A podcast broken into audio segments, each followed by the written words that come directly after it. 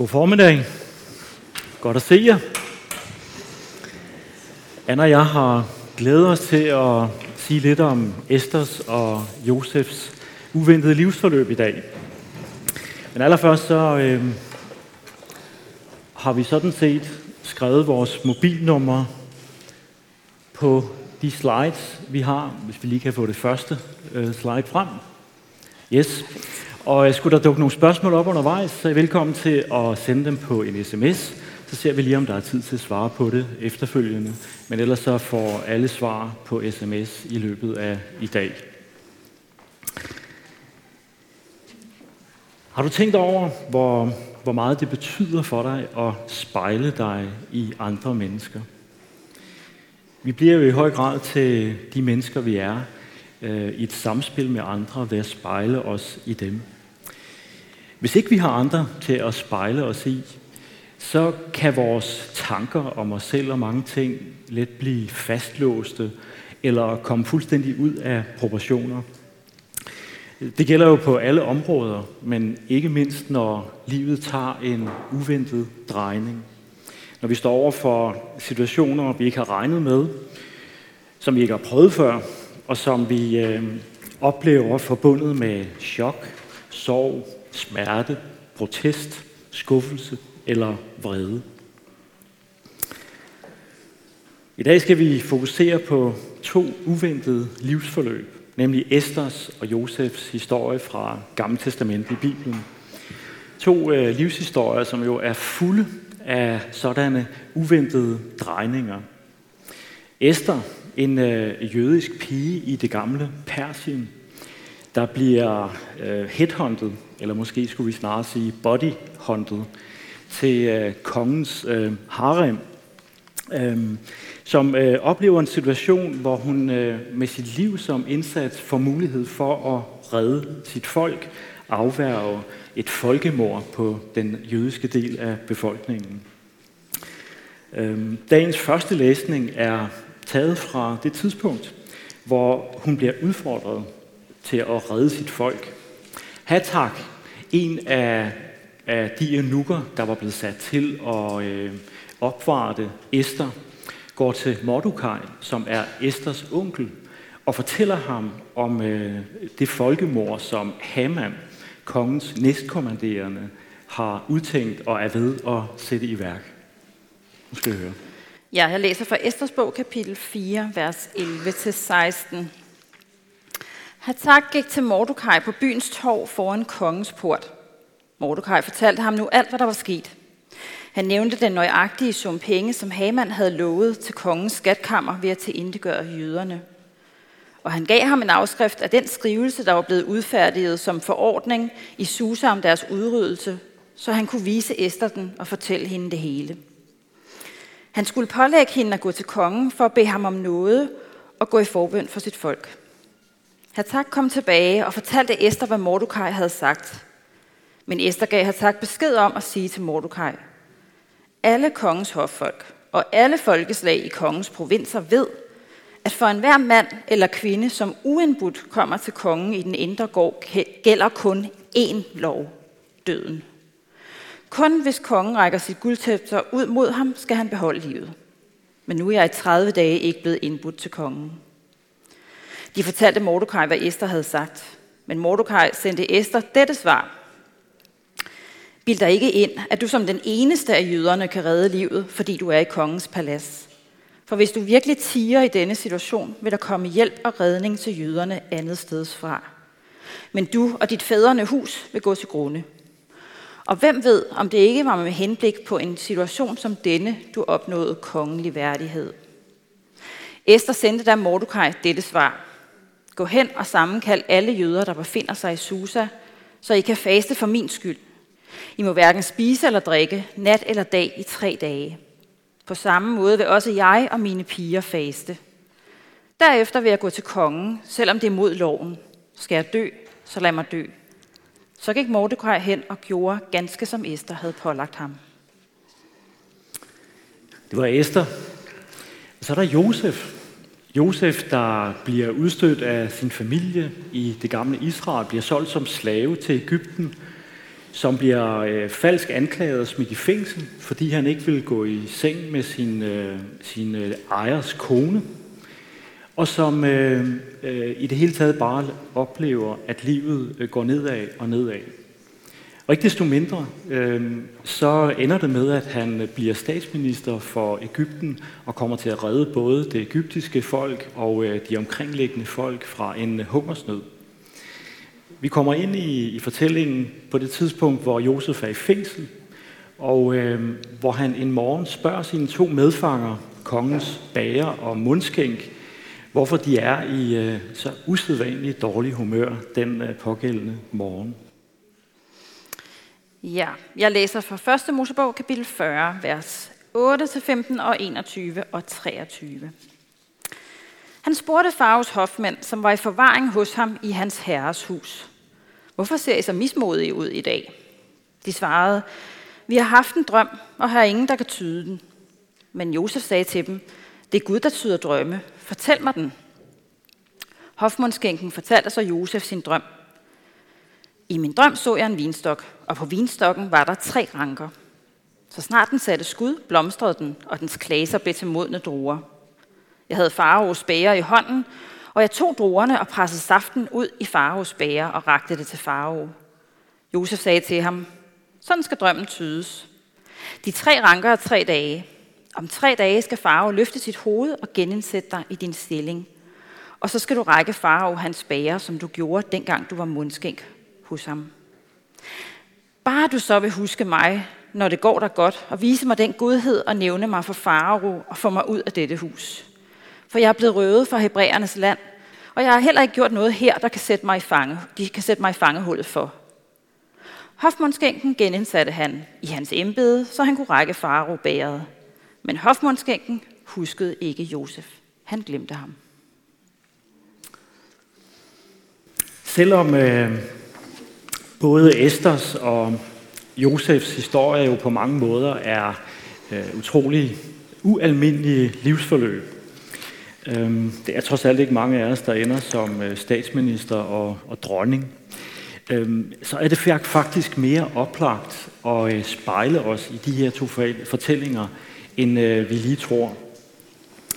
For det første så, så er der jo bare noget ved de her store historier, der lyser mere op, og som gør det nemmere for os at, øh, at se pointerne i dem og relatere til øh, vores eget liv. Øh, og i det her tilfælde handler det jo øh, overordnet om, at øh, Gud kan gøre store ting i vores liv, hvis vi har tålmodighed, øh, viser udholdenhed, øh, mod og handlekraft, uden at give køb på vores tro. For det andet, så er der noget ved, ved de omstændigheder, øh, vi har hørt om i Esters og Josefs liv, øh, der gør deres liv øh, ualmindeligt almindelige. Øh, både Josef og Esther lever jo i, hvad der til forveksling ligner øh, vores samfund, fordi det var et samfund, hvor øh, troen på Gud var politisk ukorrekt, og noget, der helst øh, skulle isoleres. Øh, Guds navn nævnes øh, for eksempel slet ikke i fortællingen om øh, Esther. Så oplever de jo begge, at deres liv tager en fuldstændig uventet drejning, øh, på samme måde som øh, vi jo også oplever det indimellem. Øh, og så er deres liv, som vi også kender det, fyldt med opture og, og nedture, og afspejler hele følelsesspektret fra den dybeste ulykke til den største øh, menneskelige lykke. Anne Esther øh, har betydet rigtig meget for dig, ved jeg. Øh, kunne du fortælle lidt mere om, hvad det er, der har gjort indtryk på dig? Ja, det vil jeg rigtig gerne. Det er i virkeligheden både det ualmindelige og det almindelige ved Esther, som har gjort indtryk på mig, øh, jeg vil sige faktisk gennem hele mit liv. Fra jeg har været en helt lille pige, så har jeg været fascineret af, af Esther – øh, ud fra det ualmindelige, kan man sige. Den her historie om den jødiske pige, som, øh, som er forældreløs, og som bliver så den her smukke orientalske dronning.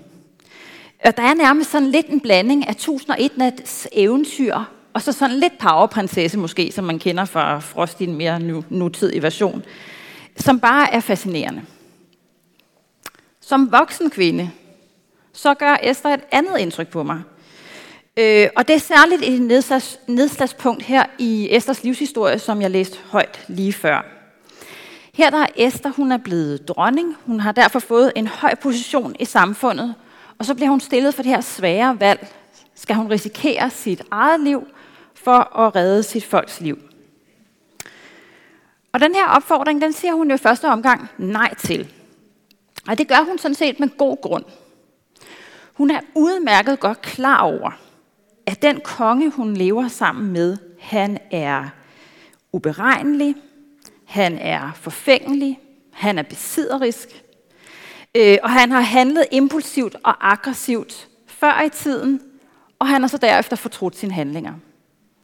Hele grunden til, at Esther er blevet dronning, er jo fordi, at kongen er blevet vred på den forrige dronning og har afsat, øh, og har afsat hende. Så det er altså den mand, hun skal gå ind og bede om noget. Det er den mand, som ikke har kaldt på hende i 30 dage, som hun skal gå ind til.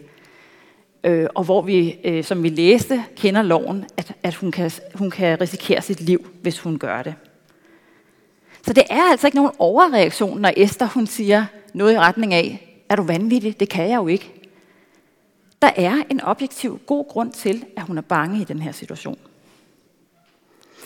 Og selvom hun har en virkelig god grund til at sige nej i den her situation, så bliver hun jo i den grad udfordret på hendes privilegie som dronning. At måske er det lige præcis derfor, at hun er blevet dronning, at hun kan udfri sit folk. Og her er det jo værd at bemærke, at Gud er Gud, og han skal nok lade sine planer komme igennem. Men, øh, men det får konsekvenser for Esther selv og hendes familie, alt efter hvad hun vælger. Og her sker der noget helt afgørende. Hun tager udfordringen op, og så viser hun mod. Men hun gør det ikke i egen kraft. Det er meget tydeligt, at hun erkender, at hun ikke kan gøre det her selv. Det kræver bøn, og det kræver faste, og det gør det også for flere mennesker end hende selv. Hun er nødt til at gå i Guds kraft. Hun er med andre ord ikke nogen powerprinsesse eller powerwoman, eller hvad vi nu kunne finde på at sætte på af prædikater. Hun lægger sit liv i Guds hænder, uanset hvad udfaldet det så er. Og Esters livshistorie betyder mindst fire ting for mig. Hun viser mig, at selvom vi som mennesker kan befinde os i en, i en position, hvor vi sådan er relativt sikre, så kan vi godt blive udfordret til at tage nogle måske endda meget store skridt i tro. Og det er faktisk befriende for mig, at hun udtrykker, at hun er bange, og hun faktisk ikke har lyst til at tage den her udfordring op. Fordi det giver også mig frimodighed til at udtrykke, når jeg er bange, og når jeg ikke har lyst til at tage en, en udfordring op. Jeg synes, hendes mod giver mig mod til at gøre noget, og til at udrette noget for Gud. Men hendes liv peger på, at jeg skal hente kraften til at udrette noget hos Jesus. Det er der styrken kommer fra. Ikke fra mig selv til at udrette store eller små ting. Og så synes jeg også, at Esters livshistorie udfordrer mig. Når jeg hellere vil have tryghed og jobsikkerhed og være likable, end faktisk virkelig at våge noget, som kan tage noget af det samme fra mig. Det er jo bare mere komfortabelt at være dronning i egen slot og ligesom passe lidt sig selv. Ikke? Og her er det bare virkelig godt at, øh, at se på Esther og se den rollemodel, som hun er. Og så er det godt for en til at tænke, okay, øh, og det tror jeg faktisk også, jeg i nogen grad selv har tænkt, hvis jeg går i Guds kraft, hvis jeg våger noget, hvis jeg er en del af Guds plan, så skal tingene nok lykkes for mig. Og her der spiller Josef livshistorie en vigtig rolle for mig. Og har spillet en rolle og har gennemhullet det perspektiv. Og det er fordi, at Josef han bliver helt åbenlyst gennem hans livshistorie uretfærdigt behandlet indtil flere gange. Øh, og samtidig så står der i teksten, og jeg vil opfordre dig til at gå hjem og læse om Josef, der står, at han var en del af Guds plan. Det står der hele vejen igennem. Teksten, som jeg læste højt, det er også et nedslagspunkt i hans liv. Og her sidder han uberettet i fængsel, og, øh, og så hjælper han jo mundskænken med at tyde den her øh, drøm som, øh, og ved Guds, ved Guds kraft. Og da Josef han gør det, så får han jo selv øje på, hov, altså opfyldelsen af den her profeti, den kan jo få mig ud af fængslet.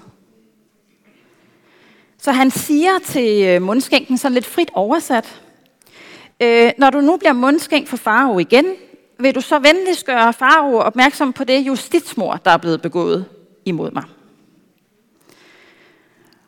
Og prøv at forestille jer, hvordan håbet må have fyldt i kroppen på Josef, når han tre dage efter har set mundskænken blive ført ud af fængslet og tilbage til farao. Og så står der sådan her i teksten. Men hofmundskænken huskede ikke Josef. Han glemte ham. Og hvis man læser videre i teksten, så går der faktisk to år, hvor der overhovedet ikke sker noget. Jeg ved ikke med dig, men jeg kan godt finde uretfærdighedsfølelsen helt nede i maven. Hvorfor i alverden skulle Josef først blive uret, uberettiget fængslet? For det andet forviftede øh, friheden sådan om næsen, for så ligesom bare at blive glemt igen.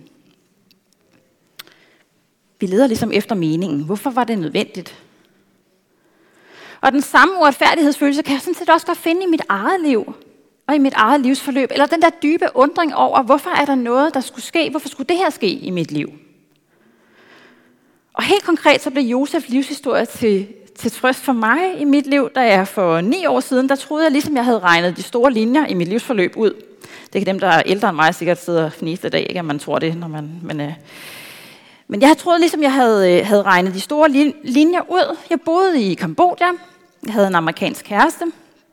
Vi talte om ægteskab, og vi talte om at blive i Kambodja i mange år frem. Og det vi havde tænkt os at gøre derude, det var at, øh, at arbejde for, at dem vi kender må kende Gud. Bare derude. Og det synes jeg var enormt meningsfyldt. Men sådan skulle det bare ikke ske. Sådan skulle det bare ikke gå. Og det efterlod mig egentlig ret desorienteret i forhold til, altså hvad ville Gud så med mit liv? Hvad skulle jeg så gøre for at være en del af hans plan? Hvorfor lå han ikke bare tingene lykkes? Og det tror jeg ikke, jeg får noget svar på. Og, øh, og det gjorde Josef heller ikke. Men han var ikke en mindre del af Guds plan af den grund.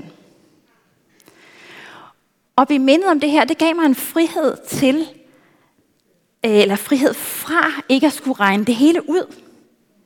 Det gav mig en frihed til at være ked af øh, tabte livsmuligheder, men uden at føle, at Gud ikke elsker mig, eller jeg ikke er i hans plan. Bare fordi han gav mig et andet livsforløb, end det jeg selv havde planer om. Så det vilkår, som du og jeg deler med Josef og Esther, det er, at øh, vi kender ikke slutningen på vores livshistorie. Det gjorde de heller ikke.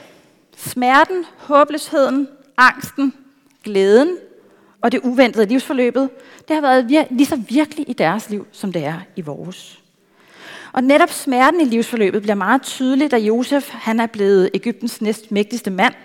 Han er blevet gift, og han har fået nogle børn. Og så skal han navngive de her børn. Og så står der sådan her øh, om navngivelsen. Josef gav den første fødte navnet Manasse. For Gud, har givet, fået mig, for Gud har fået mig til at glemme al min ulykke og hele min fars hus. Den anden gav han navnet Efraim. For Gud har gjort mig frugtbar i min lidelses land. Josef blev Ægyptens mægtigste mand. Men det er ikke en mand, som bare har surfet oven på øh, livets bølger, og som bare har haft det let, der er behov for at navngive sine børn på den her måde. Faktisk så betyder Manasse på hebraisk, hvorfor har du glemt mig? Det er en ret direkte besked til, at livsforløbet har været smertefuldt og uventet. Josefs og Esters livshistorier viser os, at det uventede sker. Og vi har al god grund til at forvente, at det uventede også sker i vores liv. Og det siger jeg ikke for at være lyseslukker og øh, for at opfordre dig til at sådan lidt skrue forventningerne ned til store ting i dit liv. Øh, men i håbet om, at øh, både du og jeg øh, kan opleve friheden i at lægge vores liv over i Guds hænder, uden at det hele skal gå op eller lykkes. Også når det uventede sker, og livet udfordrer vores drømme og planer. Umiddelbart kan vi jo godt blive fascineret af, at andre hviler i, øh, at de følger Guds plan. Men som Anne også har sagt det, øh, så tvivler jeg stærkt på, at Esther og Josef havde det sådan øh, i løbet af processen. Øh, når de alligevel er rollemodeller for os, så er det fordi de på trods af smerten, øh, nøden, øh, protesten, bitterheden, vreden, øh, blev ved med at sige det til Gud. Øh, de overlod det til ham, som alene kender og dømmer hjerterne, at fælde dommen og eksekvere straffen over den himmelråbende uretfærdighed, øh, justitsmor, som øh, Josef havde været ude for, og øh, den udfordring, som øh, var ved at koste Esther livet. Jeg tror, de fleste kan være med på, at vi kan lære noget af Esters og Josefs historie. Men jeg tror også, der opstår en, øh, en lille protest i os, når det handler om, at, øh, som Paulus siger det, at deres historier skal være en, en, en trøst for os, så vi bevarer håbet. Vi kender jo af indlysende grunde ikke slutningen på vores historie. Øhm, vi har ingen garanti at for, at den ender så menneskeligt lykkeligt, som den jo trods alt gjorde for Josef og Esther. Øhm, og vi har jo også fortællinger i Bibelen om livsforløb, der ikke endte lykkeligt, men tragisk. Tænk bare på Stefanus, der blev stenet til døde, fordi han var udholdende i sin tro og ikke gav øh, køb på den.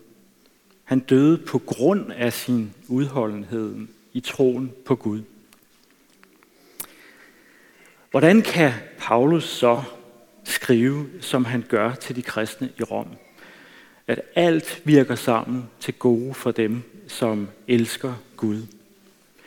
Når du ikke får det job, du øh, drømte om, når forholdet til kæresten går over, når du mister en af dine kære, øh, når du mister dine kollegaers og venners respekt, fordi du står ved din tro, står ved dine værdier, står ved din overbevisning.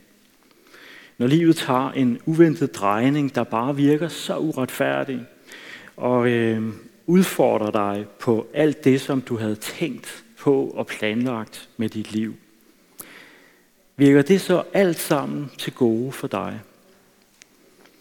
Ja, det gør det. Men der er noget vigtigt at sige om det her, som Paulus ikke eksplicit siger øh, i det, han skriver til de kristne i Rom. Øh, noget, som bliver klart, når vi lærer Gud endnu mere at kende ved at læse om ham og møde ham i Bibelen og i bønden. Gud er ikke ond. Det onde kommer ikke fra Gud. Og det onde er altid meningsløst i den forstand, at det aldrig stammer fra Gud, og derfor ikke i sig selv virker noget godt. Jeg tror, vi har en tendens til at opløse den her spænding mellem det, vi oplever ondt, og så det, vi synes, vi bør tro, nemlig at det er jo i en vis forstand godt, fordi øh, Gud har sagt, at det virker til gode for os. Og her er det bare så befriende at få lov til at fastholde det uretfærdige og det onde, som det onde og uretfærdige det netop er. Der er ondskab i verden, i livet, i mennesket, men det kommer ikke fra Gud. Det er i sig selv meningsløst, og det har aldrig været en del af hans drømme og planer for dig og for den verden, du er en del af. Vi har, vi har lov til at fastholde spændingen mellem, at livet på den ene side kan virke meningsløst, og så på den anden side, at Gud ikke desto mindre er med os midt i det. Og når vi taler om meningen med, at jobbet, lønforhøjelsen, kæresten eller andet, vi havde drømt om, glippede, så er det ikke fordi, det nødvendigvis er meningsfuldt, når livet går i en anden retning, end vi havde drømt om. Det meningsfulde handler om, hvad Gud kan gøre med os midt igennem det. Samtidig så sker det jo, at vi får et glimt af, at det faktisk virkede noget godt. Andre gange sker det ikke. Jeg oplever det stadigvæk meningsløst, at min far skulle dø af cancer dagen efter jeg blev student. At vi øh, mistede vores øh, første barn i en spontan abort. At jeg for halvandet år siden måtte øh, sygemelde mig med stress og depression. I sig selv var alt det her ondt og meningsløst, og ikke et udtryk for Guds drømme om min far, vores ufødte barn og, og mit liv. Men Gud han var midt i det sammen med mig og lærte mig at overlade det til ham, som jeg i min magtesløshed ikke kunne fikse og ændre. Alt det lærte jeg at overlade til ham. Når det onde og uretfærdige alligevel kan virke noget godt, så er det altså fordi øh, Gud, himlens og jordens skaber, der har al magt i himlen og på jorden, er med os midt i det onde og uretfærdige. Gud han ved godt, at det hverken står i vores magt at overvinde det onde eller sikre et øh, lykkeligt liv, hvor vores dybeste længsler bliver indfriet både på det store plan og på det lille plan. Men han kan. Det er derfor Josef han kan sige om al den elendighed, hans brødre bragte over ham, da de solgte ham som slave til Ægypten, at I udtænkte ondt mod mig, men Gud vendte det til det gode. Han ville gøre det, der nu er sket, holde mange mennesker i live. For det gode, der kan komme ud af en i sig selv meningsløs situation, øh, handler om, at øh, vi begynder at stole på Gud, på hvad Gud han kan.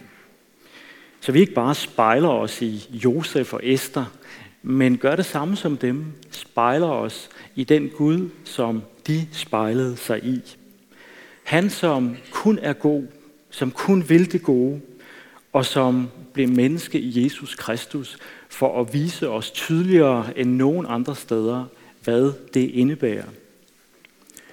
Det vigtigste, Jesus har gjort i at vise os Guds godhed, er jo, at han døde på korset for vores synder. Den ondskab, øh, vi kender til fra vores liv, og som vi er skyldige i. Men øh, i videre forstand er det jo lige så vigtigt, at Jesus viser os, hvad Gud ultimativt vil gøre med den ondskab, der ikke vil overgive sig og lade Jesus bære straffen for den på korset.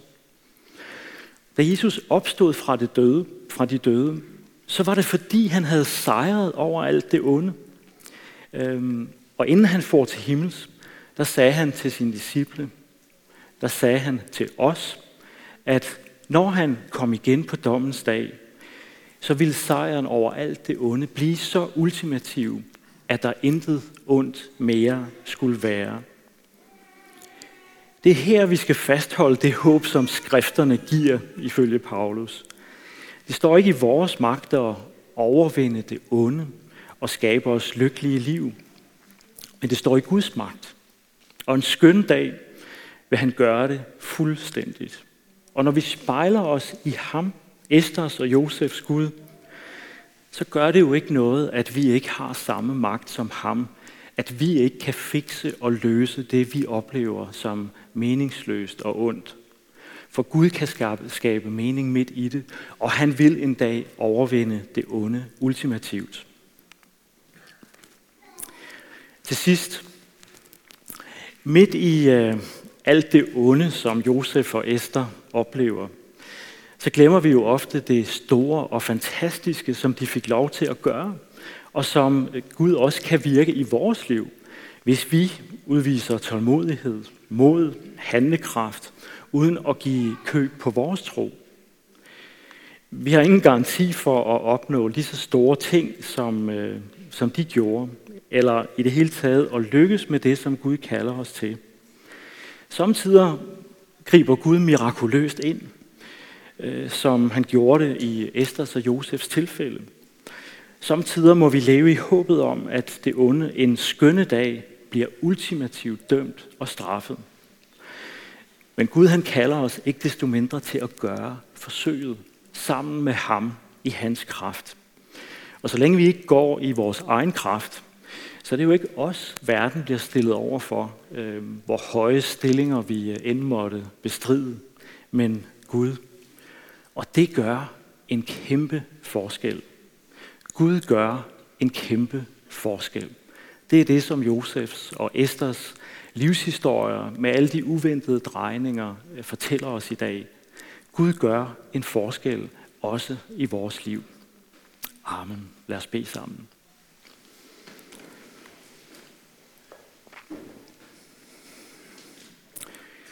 Kære himmelske far, tak fordi vi må sætte ord på det onde og meningsløse, vi oplever i vores liv. Og tak fordi vi må have lov til at kalde det ondt og meningsløst, som det onde og meningsløse det er. Vi takker dig endnu mere for, at øh, det ikke kommer fra dig, og du er vores gode Gud, en good, good Father. Og vi beder dig om, at du vil hjælpe os til at se væk fra alt det under meningsløse, så det ikke kommer til at dominere vores tanker og optage vores liv på en, en uh, utilsigtet måde. Men at vores fokus bliver på dig, som den gode Gud, der har al magt til at overvinde det onde, og som midt i det onde og uretfærdige kan gøre store ting også i vores liv. Gør os lydhøre over for, hvad det er, du kalder os til, og giv os mod og udholdenhed til at gøre det, uden at give køb på vores tro. Amen.